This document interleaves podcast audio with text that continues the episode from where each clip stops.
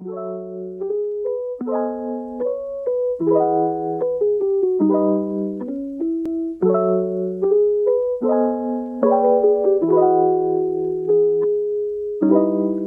guys, gimana nih kabarnya? Semoga selalu sehat ya Dan untuk yang kurang sehat, semoga lekas membaik Stay stay di rumah aja karena kasus covid lagi naik nih. Hari ini kita akan memasuki episode ketiga IAS Partnership Podcast. Sebelumnya aku mau kenalin diri Di episode kali ini aku bakal setia nemenin kalian untuk ngobrol bareng sama guest keren kita Yang mau sharing mengenai ilmunya dan juga pengalamannya Excited banget kan? Nah, sebelum kita ngobrol bareng sama guest kita, aku mau kenalin dulu nih ke kalian kalau tamu kita hari ini tuh bener-bener keren banget, udah punya pengalaman yang banyak banget, jadi bisa dibilang udah expert ya. Pasti penasaran kan siapa tamu kita? Jadi tamu kita hari ini adalah Kak Inti. For your information aja, Kak Inti adalah mantan Vice Director of Partnership IAS Indonesia yang baru aja kemarin demis. Wah, keren banget ya bisa ketemu Kak Inti langsung. Kita sapa dulu yuk Kak Intinya. Halo Kak Inti, apa kabarnya nih Kak? Boleh dong kakak kenalin diri dulu ke teman-teman semua. Oke, halo Amartia. Yeay, seneng banget ya aku bisa di sini. Aku bersyukur banget gak bisa ketemu Amartia dan teman-teman Undip di sini. Nah, uh, alhamdulillah kabar aku baik. Ya bener banget aku Vice Director of Partnership tahun lalu dan uh, asal LC aku dari LCIPB. Oke, topik kita hari ini adalah tentang market research buat partnership.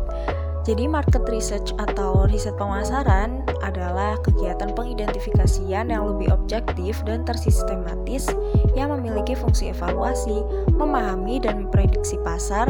Dalam hal ini adalah partner yang telah ditargetkan sehingga memperluas peluang dalam berhubungan dengan partner. Nah, untuk lebih detailnya, langsung aja kita ngobrol dengan Kak Inti. Udah siap kan, Kak? Siap banget dong. By the way, disclaimer, kita cuma ngobrol-ngobrol aja kan ya. Kita uh, bahas apa yang kita tahu dan kita pahami. Tapi uh, tidak menutup kemungkinan nih kita nanti ada yang salah atau uh, kurang tepat. Jadi so teman-teman bisa koreksi kita juga nanti. Oke, jadi di sini kita ngobrolnya santai aja ya, Kak.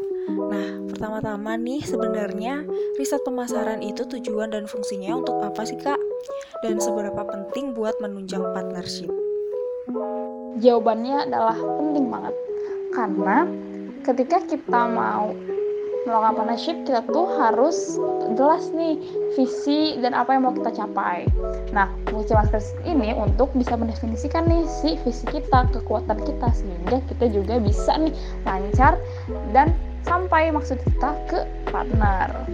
Nah, marker research ini juga membantu kita untuk menyederhanakan langkah-langkah strategis untuk bisa berkomunikasi sama partner atau bisa menggait sama partner karena kita udah siap duluan dengan segala administrasinya dengan segala persiapan-persiapan dan kemungkinan-kemungkinan yang akan ditanyakan oleh partner seperti itu Wah, keren banget ya. Ternyata riset pasar itu penting apalagi buat orang-orang yang bergulat di partnership.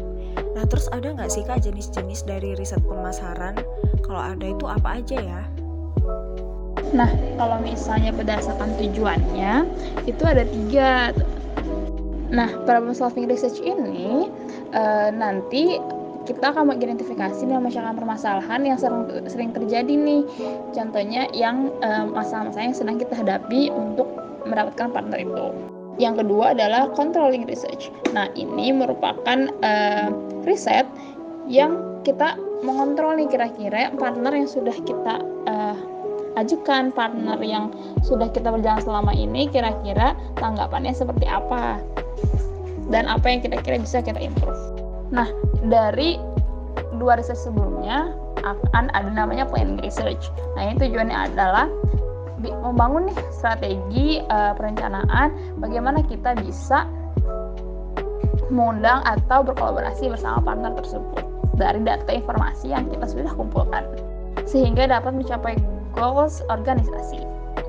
Tapi once again tipe dari market research ini disesuaikan berdasarkan jenis partner, kemudian hal apa yang uh, akan kita lakukan bersama partner.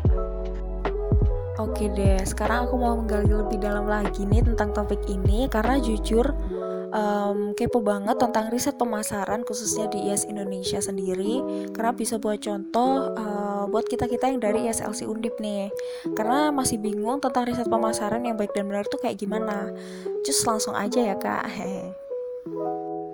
Nah, jadi riset pemasaran di IAS Indonesia itu kan udah luas banget sepertinya. Nah, apakah bisa dijelasin gak sih Kak uh, proses riset pemasaran di partnership IAS Indonesia sendiri? Oke, okay. nah jadi uh, kalau di IAS Indonesia itu kita ada namanya guideline partnership process nih teman-teman.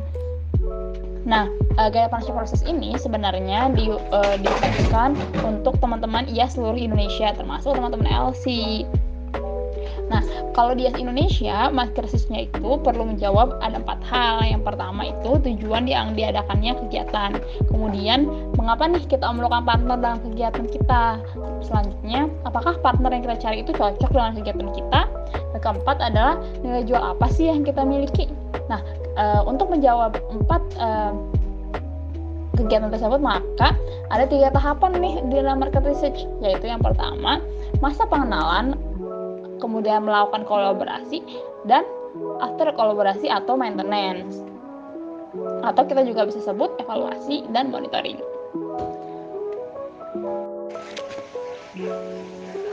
Nah, karena eh, setiap tipe partner itu berbeda cara market maka ada standar yang kita terapkan nih dari guideline partnership proses ini. Di mana standar ini disamakan untuk semua partner tujuannya adalah untuk lebih memahami uh, dan lebih tercapai tujuan kita.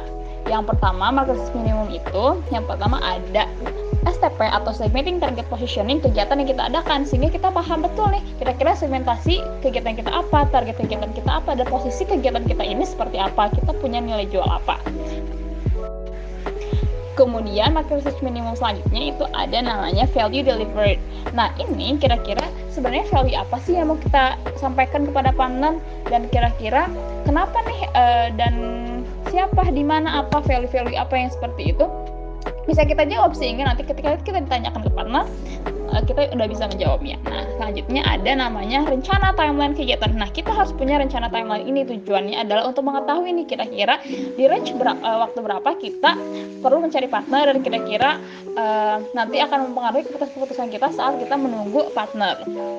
Nah, selanjutnya adalah partnership purpose. Nah, ini beririsan nih sama value delivery uh, apa yang mau kita sampaikan dari kegiatan itu. Nah, selanjutnya partnership purpose ini adalah kita identifikasi nih kira-kira kenapa sih kita membutuhkan partner gitu? Dan tujuannya tujuan apa yang mau kita capai bersama partner? Dari partnership purpose ini akhirnya kita bisa menentukan nih jenis partner apa sih yang kita butuhkan.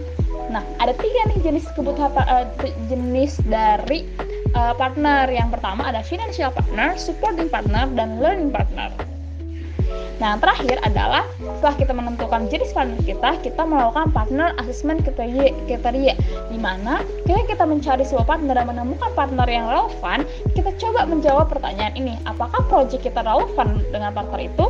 Dan kedua, apakah relative vision with your partner? Apakah vision kita tuh sama nih sama partner gitu. Nanti dari hasil market research itu, kita ada persiapan-persiapan yang berbeda di setiap partnernya di mana itu merupakan sebutannya standar kolaborasi di mana kita bagi nih ke menjadi empat kelompok yaitu ke UMKM, NGO dan komunitas, kemudian ke GO, kemudian ke national and multinational company, dan terakhir adalah ke media. Duh jadi banyak kayak gini ya, tapi hopefully teman-teman bisa menangkap nih dan uh, bisa lebih memahami karena once again market research ini tujuannya adalah untuk mempersingkat metode kita untuk mencari partner atau mengurangi kebingungan-kebingungan kita selama ini dalam menemukan partner. Wah, lengkap banget nih Kak penjelasannya. Nah, terus untuk toolkit market research atau ada nggak sih rahasia gimana riset pemasaran di IS Indonesia mungkin bisa dibocorin nih? Iya bener banget ada toolkitnya. Nah toolkit ini tuh satu paket sama si guideline of partnership proses ini. Jadi teman-teman bisa akses itu di websitenya Indonesia mengenai guideline. Nah, selanjutnya aku mau nanya nih Kak, contoh dari partner yang didapat oleh IAS Indonesia dari yang sudah di riset oleh tim Kakak itu gimana sih Kak? Mungkin boleh diceritain juga. Oke, okay, jadi hasil riset ini kan menghasilkan banyak uh, nggak banyak beberapa partner. Jadi kayak list-list nih kira-kira partner apa aja nih cocok, kira-kira strength-nya apa, weakness kita apa, seperti itu. Nah dari sisi itu kita tentukan nih kita timbang mana nih yang paling bagus nanti kalau misalnya yang pertama kita udah hubungi eh ternyata gagal berarti kita pindah ke yang kedua kayak gitu. Nah sejauh ini menurut tim aku itu uh, kemarin kita sudah coba untuk membantu teman-teman di ACT mencari partner gitu. Kita buat research list-list apa saja nih yang kira cocok buat si uh, eh, IACT ini. Kemudian selanjutnya untuk di partnership itu sendiri kita coba uh, riset ini. Tapi gimana aku mau disclaimer dulu sebelumnya karena si guideline ini kan baru terbentuk tahun lalu. Dan jadinya uh, kemarin tahun lalu juga kita kayak masih mencari-cari nih formula yang pas. Akhirnya kita trial and error kemudian um, jadinya kita juga tidak menerapkan secara komprehensif seperti itu karena kita masih adaptasi dengan ini. Nah uh, alhasil kita dapat berkolaborasi dengan beberapa partner sih cuman uh, salah satunya yaitu adalah dengan kedutaan Belanda dan Top Food nah saat itu kita hanya melakukan mini research teman-teman di mana kita research dulu nih kira-kira kedutaan uh, karena si kedutaan Belanda ini kita udah pernah sebelumnya jadi kita ada di tahapan namanya controlling partner dan um, di strategic partner atau planning partner seperti itu. Nah, yang kita lakukan saat itu adalah kita coba nih kira-kira kita mulainya dari purpose partner. Kenapa nih kita mau uh, berpartner sama mereka? Kira-kira jenis partnership apa yang mau kita mau? Kemudian timeline kita seperti apa? Dan setelah itu terakhir adalah value apa yang mau kita sampaikan di kegiatan kita? Seperti itu. Nah, kalau misalnya sama Top of Food, itu kita berangkat dari karena Top of Food yang uh, approach duluan, jadinya kita risetnya adalah gimana caranya kita bisa improve partnership kita uh, dengan Top of Food di luar dari uh, si media partner gitu. Nah akhirnya untuk melangkah ke learning partner kita melakukan research dulu nih kira-kira. Strength apa nih yang kita punya untuk bisa bersama-sama bersama top for food seperti itu. Jadi poinnya adalah si uh, market research ini formula yang dibuat oleh IS Indonesia ini bisa jadi berubah teman-teman bisa menyesuaikan. Hanya ini uh, merupakan standar yang harus teman-teman capai. Tujuannya adalah ketika teman-teman coba implementasikan tahun ini, harapannya di tahun depan akan atau di akhir kepengurusan akan ada namanya improving sehingga partnership Yes Indonesia terus berkembang dan semakin baik ke depannya. Karena market, uh, market research kemudian partnership guideline proses ini merupakan jawaban-jawaban yang selama ini uh, teman-teman uh, butuhkan gitu teman-teman kalau setiap tahun pasti uh, permasalahannya adalah, aduh kita pusing nih nyari partner. Atau kita nggak tahu nih harus mulai dari mana melakukan partnership. Bagaimana nih dapat uh, partnership yang nasional atau yang lokal? Seperti apa? Apakah caranya sama? Apakah effort yang harus kita keluarkan itu sama? Nah ini adalah menjawab uh, jawaban itu teman-teman. Nah mungkin aku mau nanya juga nih. Kira-kira Amartia nih kalau misalnya selama ini kalau mau gaya partner tuh step apa sih yang dilakukan gitu? Apakah ada kebingungan-kebingungan tersebut sama yang seperti teman-teman um, jalani atau gimana? Atau ternyata Martia udah tahu nih market jadi aku udah nyoba nih gitu. Aduh aku masih pemula banget nih kak. Jadi setahu aku uh, cari tahu dulu event kita itu kayak gimana. Terus kita cari partner yang sesuai, sesuai event tersebut. Jadi misal um, kita ada event webinar tentang pertanian berarti kita cari uh, media partner yang berkecimpungnya itu sesuai tema webinar kita supaya yang join event itu tuh makin banyak acaranya makin sukses gitu sih kak. Wah udah gede banget ya udah keren keren keren. Itu udah bener banget. Dan si market research ini itu tadi step-step yang mungkin sudah dilakukan oleh teman-teman bisa lebih di kuantitatifan lagi gitu Oke oke, terus untuk red flag dan green flag buat riset pemasaran tuh apa aja sih kak? Red flagnya yang pertama adalah jangan terlalu banyak memakan banyak waktu untuk melakukan riset. Tentukan timeline yang tadi clear, contoh risetnya cukup satu hari dua hari, dan masukkan dulu semuanya. Nanti pertimbangan-pertimbangannya di setelah kita sudah kumpulkan itu jangan sampai kita kelamaan nih si risetnya sampai kita lupa kalau kita ternyata harus melakukan kolaborasi juga kan nanti malah si kolaborasinya jadi sedikit waktunya nah untuk green flag-nya sendiri itu adalah kita harus pastikan kita setelah kita research ini kita benar-benar memahami nih setiap keputusan-keputusan yang kita ambil di research itu kayak gitu. Nah, jadi ketika kita udah paham banget baru deh kita jalan untuk berkomunikasi sama partner. Hmm, jadi gitu ya kak. Kayaknya bisa banget nih ISLC Undip mencontoh IAS Indonesia buat lebih mantul lagi riset pemasarannya. Tentunya biar partner di ISLC Undip jadi lebih banyak nih. Para listeners juga bisa menerapkan contoh strategi riset pemasaran di organisasi kalian. Nah, kalau Kak Inti ini pasti pengalamannya banyak banget kan? Boleh dong Kak diceritain pengalaman Kakak tentang riset pemasaran ini, gimana suka dukanya, terus pembelajaran yang Kakak dapetin tuh apa aja, dan yang paling penting tuh gimana proses dan hasilnya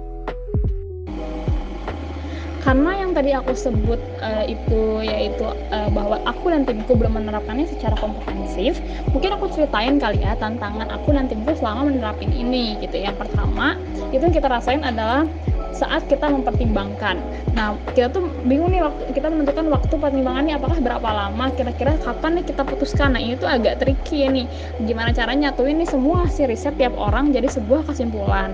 Ini pinter-pinternya kita untuk negosiasi sama antar tim kita gitu. Nah, yang kedua adalah konsistensi menerapkannya. Seperti aku bilang tadi, karena tidak komprehensif ini, kita merasa kurang konsisten nih untuk menerapkannya. Karena kita ngerasa stepnya itu panjang. Padahal um, tujuannya kan untuk mempermudah kita berpartner ya gitu nah juga karena kadang juga kadang karena stepnya panjang ini jadinya ketinggalan karena timelinenya gak cukup atau kita timeline terlalu pendek tapi uh, karena tidak komprehensifnya ini hasil pas menghadapi partner kita jadinya nggak optimal. Nah, nggak optimal ini contohnya bisa jadi kita harusnya bisa melangkah lebih jauh nih sama partner atau kita bisa improving bareng partner ini. Tapi eh e, ternyata nyadarnya malah di akhir kolaborasi. Padahal kalau riset dulu kan harusnya bisa tuh e, kita lebih banyak kolaborasi sama partnernya. Seperti itu contoh konkretnya itu kita waktu itu kerjasama sama Food Cycle Indonesia. Nah kita waktu itu guide uh, mereka menjadi juri dan pembicara di live Instagram kita. Nah sebenarnya Food Cycle Indonesia kan backgroundnya adalah mereka food waste. Dan kita punya kampanye nih namanya Snack Food Local Food. Nah harusnya kita juga bisa nih kalau misalnya kita riset dari awal kita bisa eh, kita bisa kampanye bareng sama uh, Food Cycle Indonesia kayak gitu untuk mempromosi nih mengkampanyekan nih soal uh, snack food lokal food ini seperti itu. Duh emang nggak salah ya kita ngundang Kak Inti sebagai gestar di sini. Udah ngelotok banget gitu tentang topik ini. Nah sebagai seorang yang expert di bidang ini, mungkin kakak bisa memberikan satu dua patah kata untuk membangkitkan motivasi kami biar lebih terdorong lagi melakukan riset pemasaran.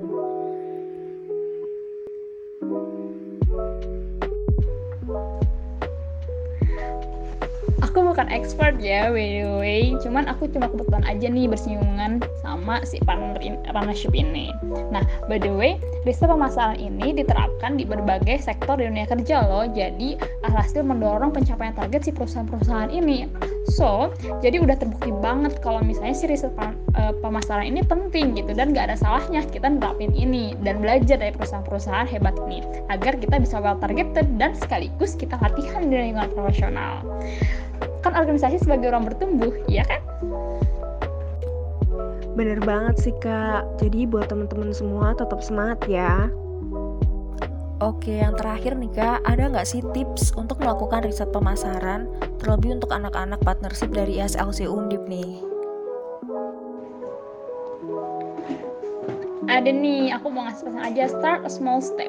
Jadi kalau misalnya dirasa terlalu banyak atau terlalu pusing atau terlalu kaget untuk mener, e, menerapkan ini, teman-teman bisa coba sedikit-sedikit gitu. Contoh untuk partner yang pertama kita uh, bisa cobain uh, tiga tahap dulu. Nanti pada selanjutnya empat tahap dan uh, selanjutnya. Nah nanti dari setiap partner itu kita lihat nih dampaknya kepada partner itu seperti apa Jadi nanti di partner terakhir kita, kita udah menerapkannya secara utuh dan bisa jadi kita juga bisa nemu nih formula yang pas buat kita. Kira-kira mana sih yang cocok buat kita dan kita nyaman untuk menjalankannya.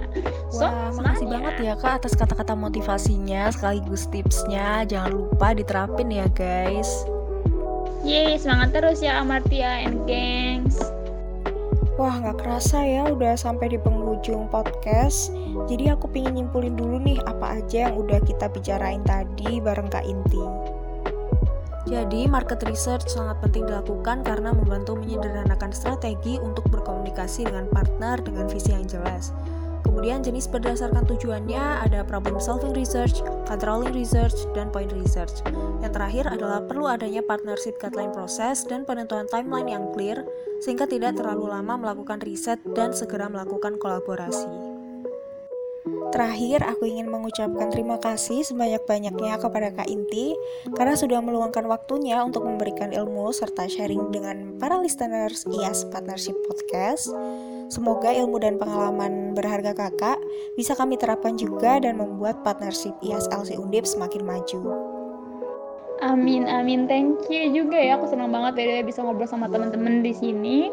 So, yes, think globally, act locally. See you.